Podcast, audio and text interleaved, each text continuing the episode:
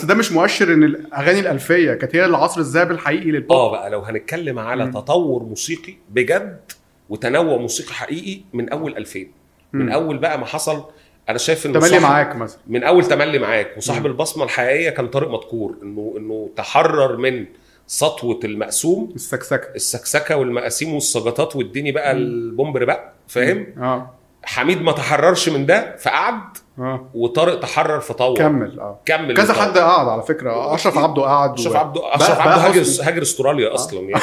ده بجد. بقى حسني برضو قعد. وبهاء حسني قعد وحسام آه. حسني حسام اختفى. حسني قعد. يعني طارق عاكف بعد. آه. يعني ناس كتير جدا. طارق عاكف راح الخليج. آه راح الخليج راح يعني. هو اختار اختيار آه،. يعني كل واحد واختياراته يعني اختار آه. اختيار مادي يعني بحت هو الوحيد اللي كمل طارق مدكور وطلع جيل معاه صغير نادر حمدي. بقى شد آه. بعد كده نادر حمدي و... وحسن الشافعي تميم. وتميم وتومة. فكل دول طلعوا بالتقنيات الجديدة الألفية هي كانت أقوى موسيقيا لكن بقى تعالى نقول قيمة التسعينات في إيه آه إيه إنه التسعينات بقى؟ الأغنية المصرية تحولت إلى أغنية اجتماعية أقرب منها لأغنية عاطفية مع بداية الثمانينات ونهاية السبعينات مع ظهور. المصريين والفرق الموسيقية الغنائية الثانية ومنير. ومنير وعلي طبعا. را- وعلي الحجار وفرقة الأصدقاء. يعني كان في حالة من إن إحنا هنعمل أغنية بديلة.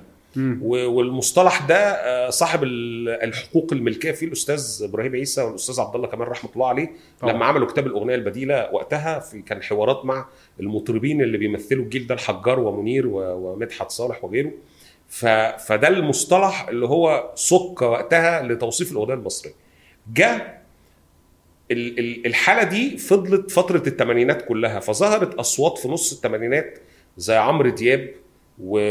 فؤاد. وفؤاد ويمكن عمرو وفؤاد تحديدا هم. اللي ظهروا في الوقت ده ولما اتفكت فرقة الأصدقاء وحنان وعلاء عبد الخالق وكل واحد راح ومنى عبد الغني كل واحد راح يعمل مشروع لوحده فانضموا إلى حزب الأغنية الشبابية وأنا في النقطة دي تحديدا بوجه تحية لصديقي الناقد الموسيقي محمد عطية اللي عنده سلسلة مقالات مهمة جدا في موقع إضاءات وموقع الميزان عن آه، التاريخ لل- للمرحلة دي بشكل بحثي في مجهود كبير. بوجه لك تحية عطية يعني على الشغل الرائع اللي انت عملته وهو مرجع لينا كلنا يعني. فالفترة دي تحديدا حصل موجة الأغنية الشبابية أو ما سميت اعلاميا بالاغنيه الشبابية اللي كان بيقودها حميد الشاعري. وتحديدا حميد وقتها بدأ التعاون بينه وما بين بقى عمرو دياب وما بين علاء عبد الخالق وده يمكن من أهم المشاريع بقى الغنائيه في لون. لون واضح كان آه. الأول يعني محاولات متخبطة مش عشوائية. متخبطة. م- محاولات لإنك تعمل تجريب أكتر وتروح لمناطق جديدة ومختلفة بعيد عن العاطفي شوية حتى وإن كان في غنى عاطفي بس خد بالك في الثمانينات ال- يعني يقول لك مصر فقدت ريادتها أو سيطرتها على الوطن العربي من الناحية الموسيقية. يعني الأغاني اللي عملها منير وعلي الحجار و- وإيمان البحر كانت شديدة الخصوصية. خصوصية و... وعايز أقول لك إن الجماهير في الوطن العالم مش العربي ملمسة معاه مش ملمسة معاهم لدرجة إن في أنا ليا أصدقاء آه، آه. في الدول العربية يعني بالنسبة لهم هم مش مش فاهمين ليه إحنا بنقدر منير قوي كده مثلا. مش صح. واصل لهم مش عندهم الشهره لأن هو بيغني للوطن بيغني لمصر تحديدا يعني غنى فا- ثقافي فأنا قصدي إن حقبة الثمانينات عموما هي أوكي كان فيها تجريب وكل حاجة بس هي كانت بتفتقد للشعبيه أو ال-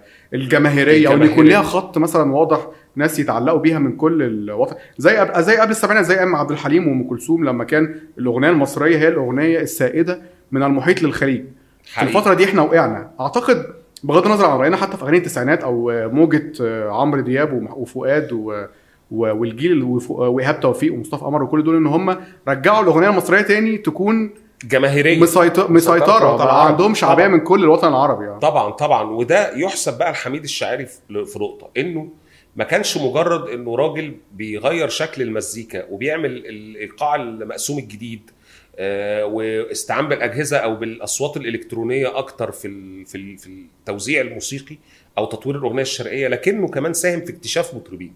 يعني هو اللي قدم إيهاب توفيق وقدم هشام عباس رغم إن صاحب صاحب مشروع هشام عباس في الأساس هو طارق الكاشف يعني. لكن تعاون مع قدم مصطفى قمر قدم إيهاب توفيق فارس حكيم